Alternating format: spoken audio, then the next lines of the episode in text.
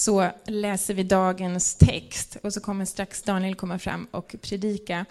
Och det är eh, från Lukas evangelium kapitel 2, verserna 2 till 20.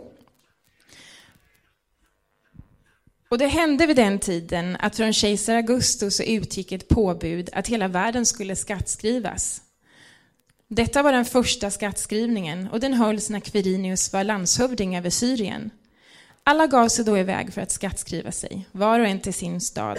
Så får också Josef från staden Nasaret i Galileen upp till Judeen, till Davids stad som heter Betlehem, eftersom han var av Davids hus och släkt. Han får dit för att skattskriva sig tillsammans med Maria, sin trolovade, som var havande. Och när de befann sig där var tiden inne då hon skulle föda, och hon födde sin förstfödde son och lindade honom och lade honom i en krubba, eftersom de inte fick plats i härberget. I samma trakt så uppehöll sig några herdar som låg ute och vaktade sin jord om natten. Då stod en Herrens ängel framför dem och Herrens härlighet lyste omkring dem och de blev väldigt förskräckta. Men ängeln sa, var inte förskräckta, se jag bär bud till er om en stor glädje för hela folket.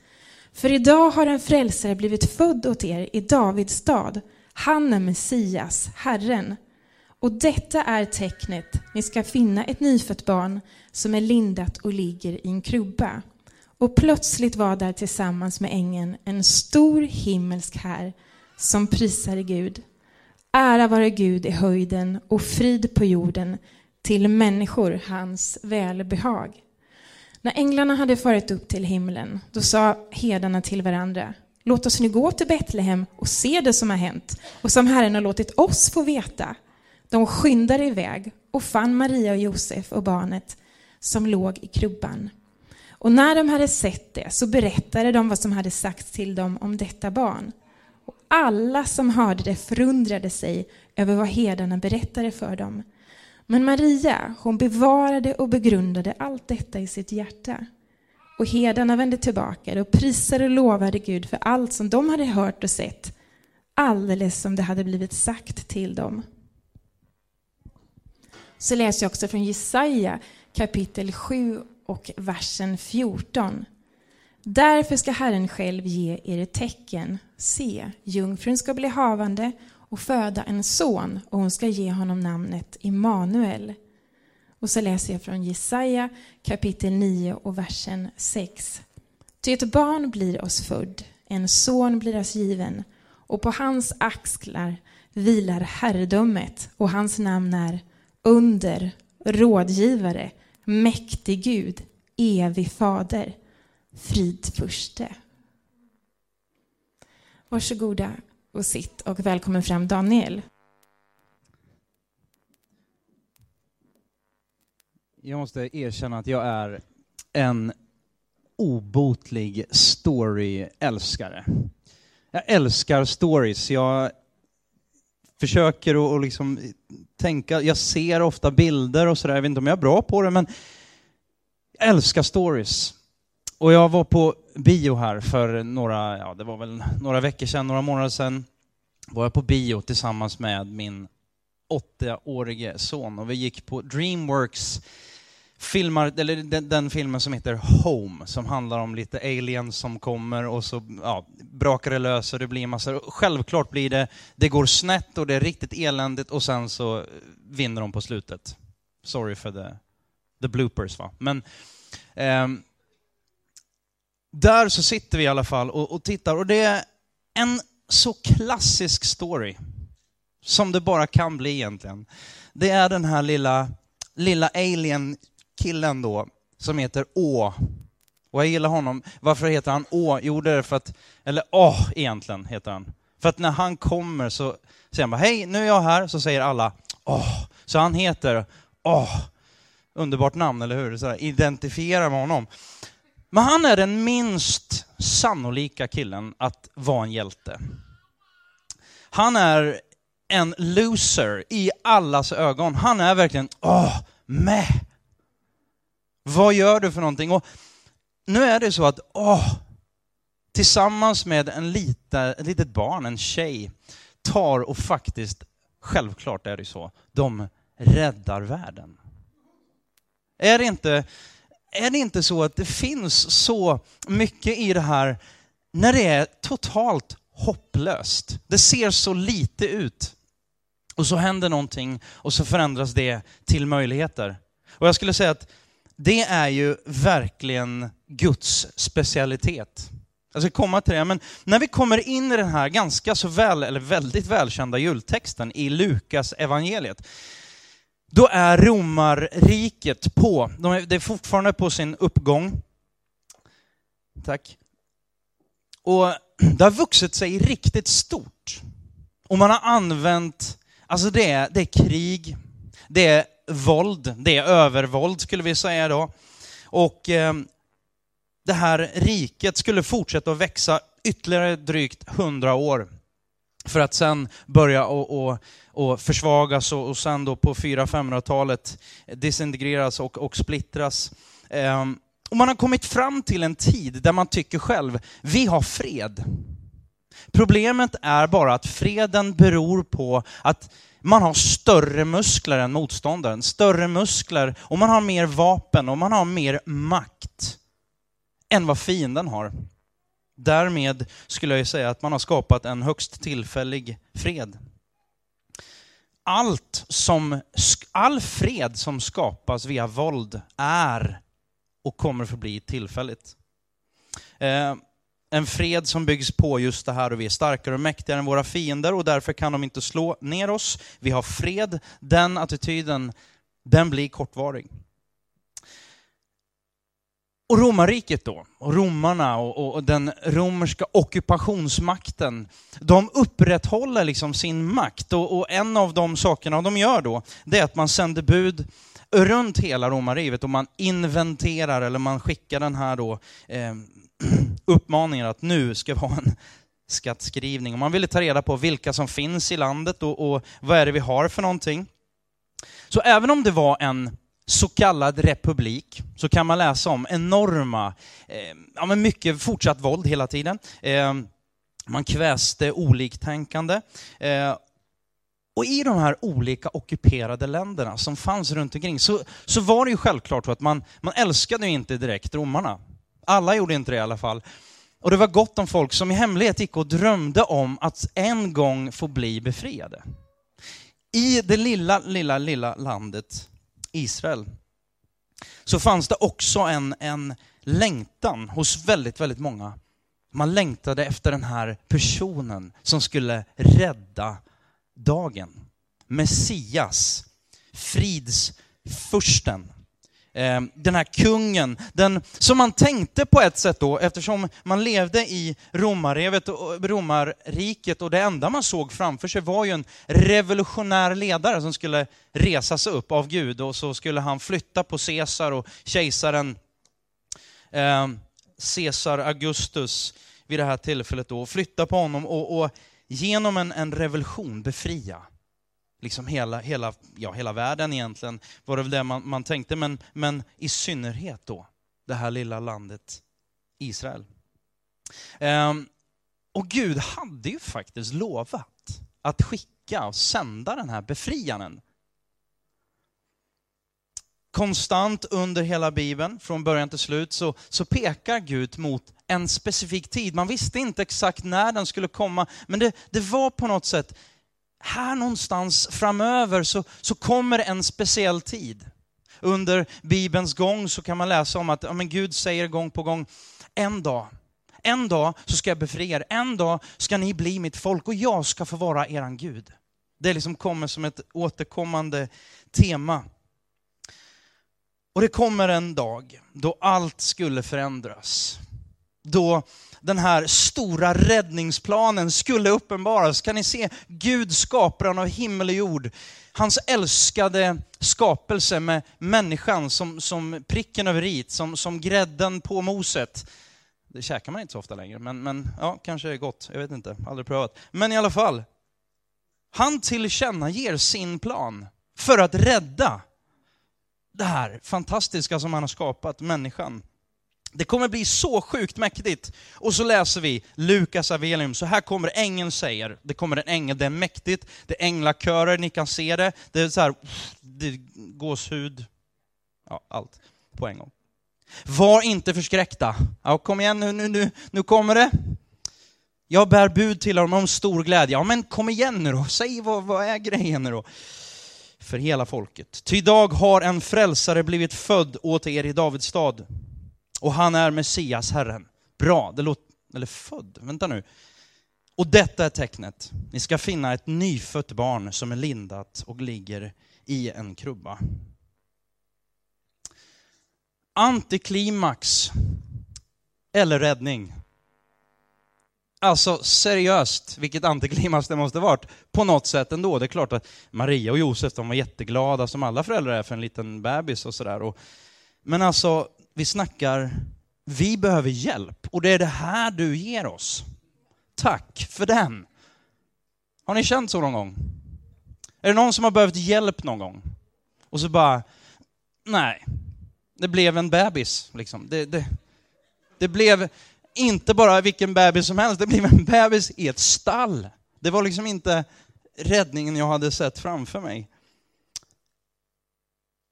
Jag tror så här, att vi har en massa våldsproblem idag. Jag tror att du och jag, för att bli lite allvarlig för en stund, så tror jag att vi de senaste månaderna, de senaste veckorna, har gått omkring och vi har blivit än mer, om möjligt, medvetna om det våld som härskar och faktiskt i vissa delar av all för stor utsträckning råder i vår värld. Och någonstans hoppas jag att det i var och en av oss reser sig upp ett rop och bara Gud, hjälp oss. Vi behöver en räddning. Vi behöver någonting som händer. Vi behöver göra någonting åt det här.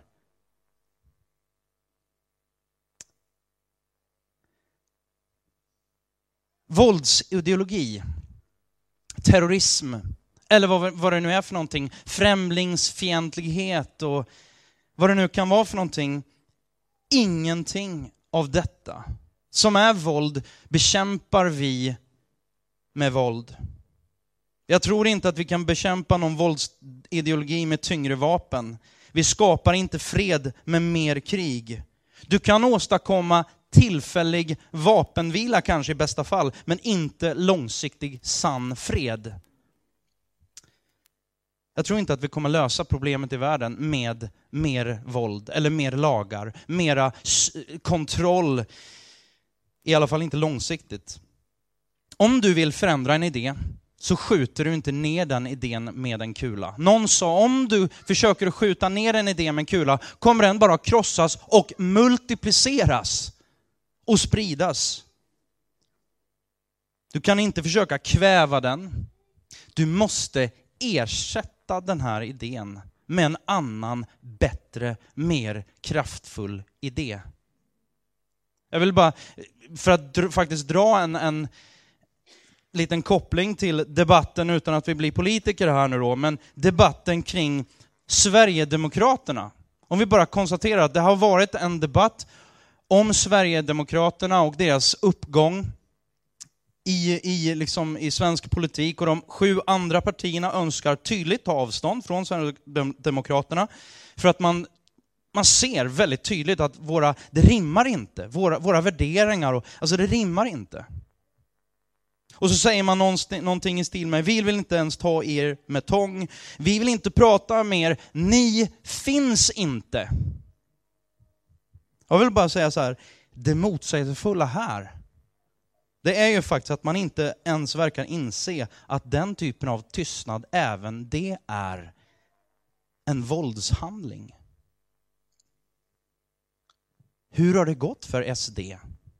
Hur har det gått för främlingsfientliga krafter i det här, i det här landet, i, det, i, i, i våran världsdel, utan att säga att alla som röstar på SD är främlingsfientliga. Men det är bara att konstatera att jag tänker så här, så länge det finns öppenhet, så länge det finns samtal, så länge det finns ord, så finns det hopp. För ord innehåller idéer. Och när vi utbyter idéer, då finns det hopp när vi börjar slåss, när vi börjar skjuta. Sen kan man skjuta och man kan slåss och man kan föra våld med ord, absolut. Men vi behöver introducera nya idéer. Och det Gud gör, han sänder sitt ord. Johannes evangelium kapitel 1, vers 14 säger så här, ordet blev kött och bodde ibland oss. Och vi såg hans härlighet. En härlighet som den enfödde har av Fadern och han var full av nåd och sanning. Jesus kom som ordet, och då inte bara som ord, utan ordet sanningen. Ehm, det var Gud själv som steg ner och tog sin boning ibland oss. Och jag tror att det var en lösning som ingen av oss såg komma. Tänk er själva, nu ska vi ha lösningen på, på världens alla problem. Här har ni en bebis. Som sen kommer upp och växer upp och har ett budskap. Och det är i det där budskapet. Och det jag säger är ju inte bara att, att, att Gud hade bara en idé det är så mycket mer. Men Jesus hade ett tydligt, tydligt budskap. Han inte bara uttalade ett budskap, utan han var och exemplifierade ett budskap. Och följer vi honom, ja då borde, då torde främlingsfientlighet och all, alla motsättningar, motsättningar, det är historia. Och det bör finnas en öppenhet. Um, för grejen är den att vi kan se ut över världen, vi kan tänka så här, det är krig. Det är elände. Men faktum är att det kanske inte är så långt bort som när jag pratade med, med mina barn som hade, precis som du sa, och självklart är det ju aldrig jag som skapar krig hemma, utan det är ju barnen. Men faktum är, när vi pratar om det så är det liksom så här, ja men det, när ni slåss eller när ni gör någonting och ni fightas, alltså på något sätt, det är ju samma grund att ni vill plocka poäng och ni vill trycka ner någon annan för att komma upp själva. Och så, det är ju grunden till elände. Så någonstans går det från elände i världen och jag vill faktiskt vända det till att det finns elände i dig och mig. Vi behöver absolut en kung som vänder världen rätt. Eller hur? Så tänker jag. Och det har Gud lovat oss. Det kommer att hända. Men du och jag behöver en frälsare som vänder oss rätt. För sanningen är att vi har nog krig faktiskt på insidan. Eh, världens liksom världens ande, om man nu tar Bibelns språk, för krig mot oss. Jag vet inte hur du känner med din tid eller med pressen och trycket och, och det som finns runt omkring. Jag vet inte om du känner, nej men den här världen bara stöttar mig i allt jag gör. Mina relationer, min familj, liksom det, det, mina vänner. Känner du så? Tänker du så? Eller finns det ett tryck och jag skulle säga att det känner nog de flesta av oss. Det finns ett tryck utifrån. Vi blir utsatta och vi utsätter oss själva för våld hela tiden. Jag tänker att vi kommer hem trötta i den enkelhet som, som vi har och det är ingen, ingen liksom piska utan bara ett konstaterande. Och jag ska ta det i förhållande till, till det vi pratar om, nämligen, eller kommer att prata lite mer om, nämligen julen. Vi kommer hem efter en ansträngande dag. Och vi bara känner så här, åh, jag måste bara få vara själv kanske, eller jag vill, jag vill bara fly bort lite. Och så sätter vi oss vid tvn, eller vid datorn, eller med mobilen, eller någonting annat. Och så flyr vi bort. Jag behöver få lite andrum, jag behöver inte tänka. En undersökning gjordes för ett tag sedan med ett antal VDs i Sverige. Ehm, jag har nämnt det vid något tillfälle tidigare, men den heter VD-barometern. Och de ställde en massa frågor och, och, fick en massa svar. Och på frågan, ungefär i linje med, är det någonting du skulle önska att du tog, tog tid för som du inte tar tid för? Någonting du är frustrerad över att du inte får till? Då sa två av tre sa att jag tar inte tillräckligt med tid för att reflektera själv. Att bara tänka. Vi har inte tid. Och jag skulle säga att det är lätt för oss att acceptera någon slags konstgjord andning. Vi bara hankar oss vidare. Jag är i survival mode. Jag vet inte hur många av er som, som, som känner så, men jag, jag är allt för ofta i bara överlevnadsmode. Jag hankar mig vidare istället för att, ja man kan kalla, kalla det för olika saker, men, men hamsterhjul och jag vet inte vad det, det ena med det andra. Men frågan är liksom hur ofta vågar vi? Och det händer ju. Förr eller senare så stannar vi upp lite grann och då kommer ju de här frågeställningarna. Vad gör vi då? Vad gör vi då? Vi tänker väl kanske så här att, att framgång och lycka och det här, vi paketerar ofta det och så tänker vi att nej, men vi är lite djupare än så. Är vi verkligen det? Är vi verkligen det? Vi paketerar det inte sällan som ett bra jobb, en bra partner, ett bra boende, bra sex, fina saker, en riktigt stor vägg att hänga en riktigt stor TV på, eller en riktigt fin bild av oss själva som riktigt goda och genomtänkta människor. Med rätt liksom eko-touch och eh, liksom på, handla på rätt affärer och all, det, är, det är mycket av det där som är bra. Bra boende, bra sex, bra, ja men det är ju bra saker. Absolut. Kanske följt av en riktigt fin semester och riktigt fina bilder och en riktigt schysst Insta-feed med 176 likes. Då är det ju svårt att säga att livet inte är på topp. Då är det ju självklart att du och jag har frid. Att vi har fred och inte krig på insidan, eller hur?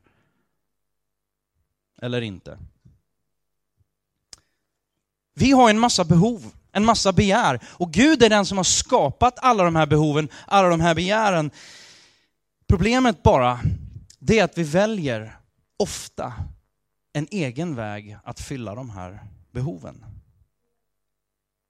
Hur hanterar du och jag kriget i oss? Försöker vi att lösa det med våld? Där vi våldför oss på oss själva. Och jag skulle säga så här, det är ju inte, det är inte dåligt. Och nu ska jag inte hacka på nyårslöften för mycket. Men både du och jag vet att ett nyårslöfte kan vara det mest tunga att bära. Kanske inte så jobbigt om vi bara tänker på träning eller sådana saker. Men relationer. Nu ska jag bli en kärleksfull make. Mycket mer kärleksfull än innan. Nu ska jag bli det här. Nu borde jag göra det här. Och så kommer de här sakerna som bara tio steg till ett bättre liv. Har du lyckats bra hittills? Jag har inte lyckats särskilt bra. Vi löser inte våld eller krig med lagar, regler och mer våld. Vare sig på oss själva eller på någon annan. Och Gud vet att det är krig. Och han vill att du ska ha fred. Han vill att du ska ha frid. Och det börjar med att ha frid med Gud. Har du frid med Gud? Jesaja 7.14. Därför ska Herren själv ge er ett tecken. Se, jungfrun ska bli havande och föda en son. Hon ska ge honom namnet Immanuel. Immanuel betyder Gud med oss. Varför blir det så ofta att vi porträtterar en Gud mot oss?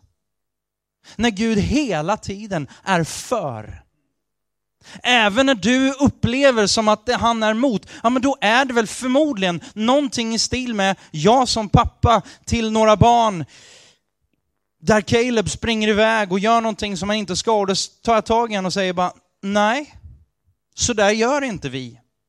Du gör inte så mot din lilla syster eller du gör inte så mot dig själv eller vad det nu är för någonting. Ja, men jag vill, kanske svaret är, ja, too bad. För du får ändå inte. Kanske är det precis samma, bara lite mer sofistikerat eller lite mindre sofistikerat i många fall. Gud säger, jag vill vara nära dig och jag ska bevisa det. Jag säger inte, Gud säger inte, kom upp till mig, hoppa upp till min nivå, utan jag kommer ner till dig. Han är på en högre nivå. Himlen. Helig avskild. Det där är ju så surt för oss, inte minst vi svenskar som är moralens högborg, tycker vi själva då. Allsmäktig Gud kommer ner till oss, kommer ner till dig. När vi firar nattvard så säger vi, man kan tycka det låter bara lite religiöst och tomt, men det är fyllt med så mycket verklighet. Kristi kropp för dig utgiven. Kristi blod för dig utgjutet. Vi tänker ju absolut att vi är många, vi är starka tillsammans, men det är också en tydlig dimension där Gud vill bli personlig med dig. Både och. Jesaja 9 och 6. Vi går ner för landning med det här bibelordet. Ty ett barn blir oss fött, en son blir oss given. På hans axlar vira, vilar herradömet och hans namn är under, rådgivare, mäktig Gud, evig fader och fridsförste. Det är det här som julen handlar om. Inte ett sött, i allmänhet sött litet barn i en krubba och så köper vi julklappar och kör på. Det är så mycket, mycket mer. Ett barn har blivit oss fött, en Gud. Och jag vill bara ta de här fyra, eller lyfta ut av de här fyra orden, fokusera, äh, av fem orden, så fokusera på fyra av dem. Under. Med Gud så kan det omöjliga bli möjligt. Vad har du för omöjliga situationer att lösa? Eller som du står inför? Gud är lösningen, för Gud är allt möjligt. Det är inte samma sak som ett löfte om att du ska få allt du vill. Utan min bön, även om du tar emot, måste vara, Gud ge mig inte det jag vill främst, utan det jag behöver. Men räkna med Gud, räkna med att han gör under. Han är vår rådgivare.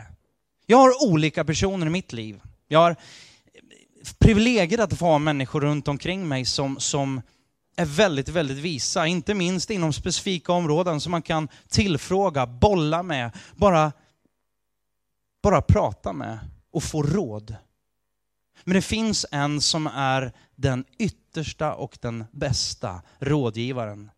Och det är en Gud som det står om att han är underbar i råd. Vem vänder du och jag oss till? Mäktig Gud, evig fader. Jag, jag, jag klumpar ihop dem. Man kan prata jättelänge om det, men bara för att säga så här, det betyder åtminstone tre saker. Först och främst att han är Gud. Han är, han är Gud. Men han är också Gud fader, så han är långt borta, men han är också väldigt, väldigt nära. Och det betyder minst tre saker. Ett, han är vår far. Och det betyder också att vi är hans barn. Och tre, vi är med andra ord syskon i honom. När vi går i hans namn, ja då är vi ju per definition syskon. Och alla de där tre bitarna, det betyder ju att du är aldrig ensam. Man pratar om utanförskap, man pratar om ensamhet. Och jag tror att det finns en gemenskap som kan råda bot, den enda gemenskapen som kan råda bot på all ensamhet. Eller en relation som kan råda bot på all ensamhet, och det är relationen med Gud. Genom Jesus Kristus. Och så kommer vi fram till det här sista ordet. Fridsförste. Det är krig, han är fridsförsten. Han vill ha fred med dig. Och han har gått så långt så att han säger inte, för att ha fred med mig så ska du betala det här priset. Utan för att ha fred med mig så betalar jag priset. Jag ger min enfödde son, min enfödde son, för att du ska ha frid med mig.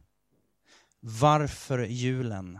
Är det ett antiklimax, ett stort upp och nervänt, liksom, inte frågetecken, utropstecken i historien?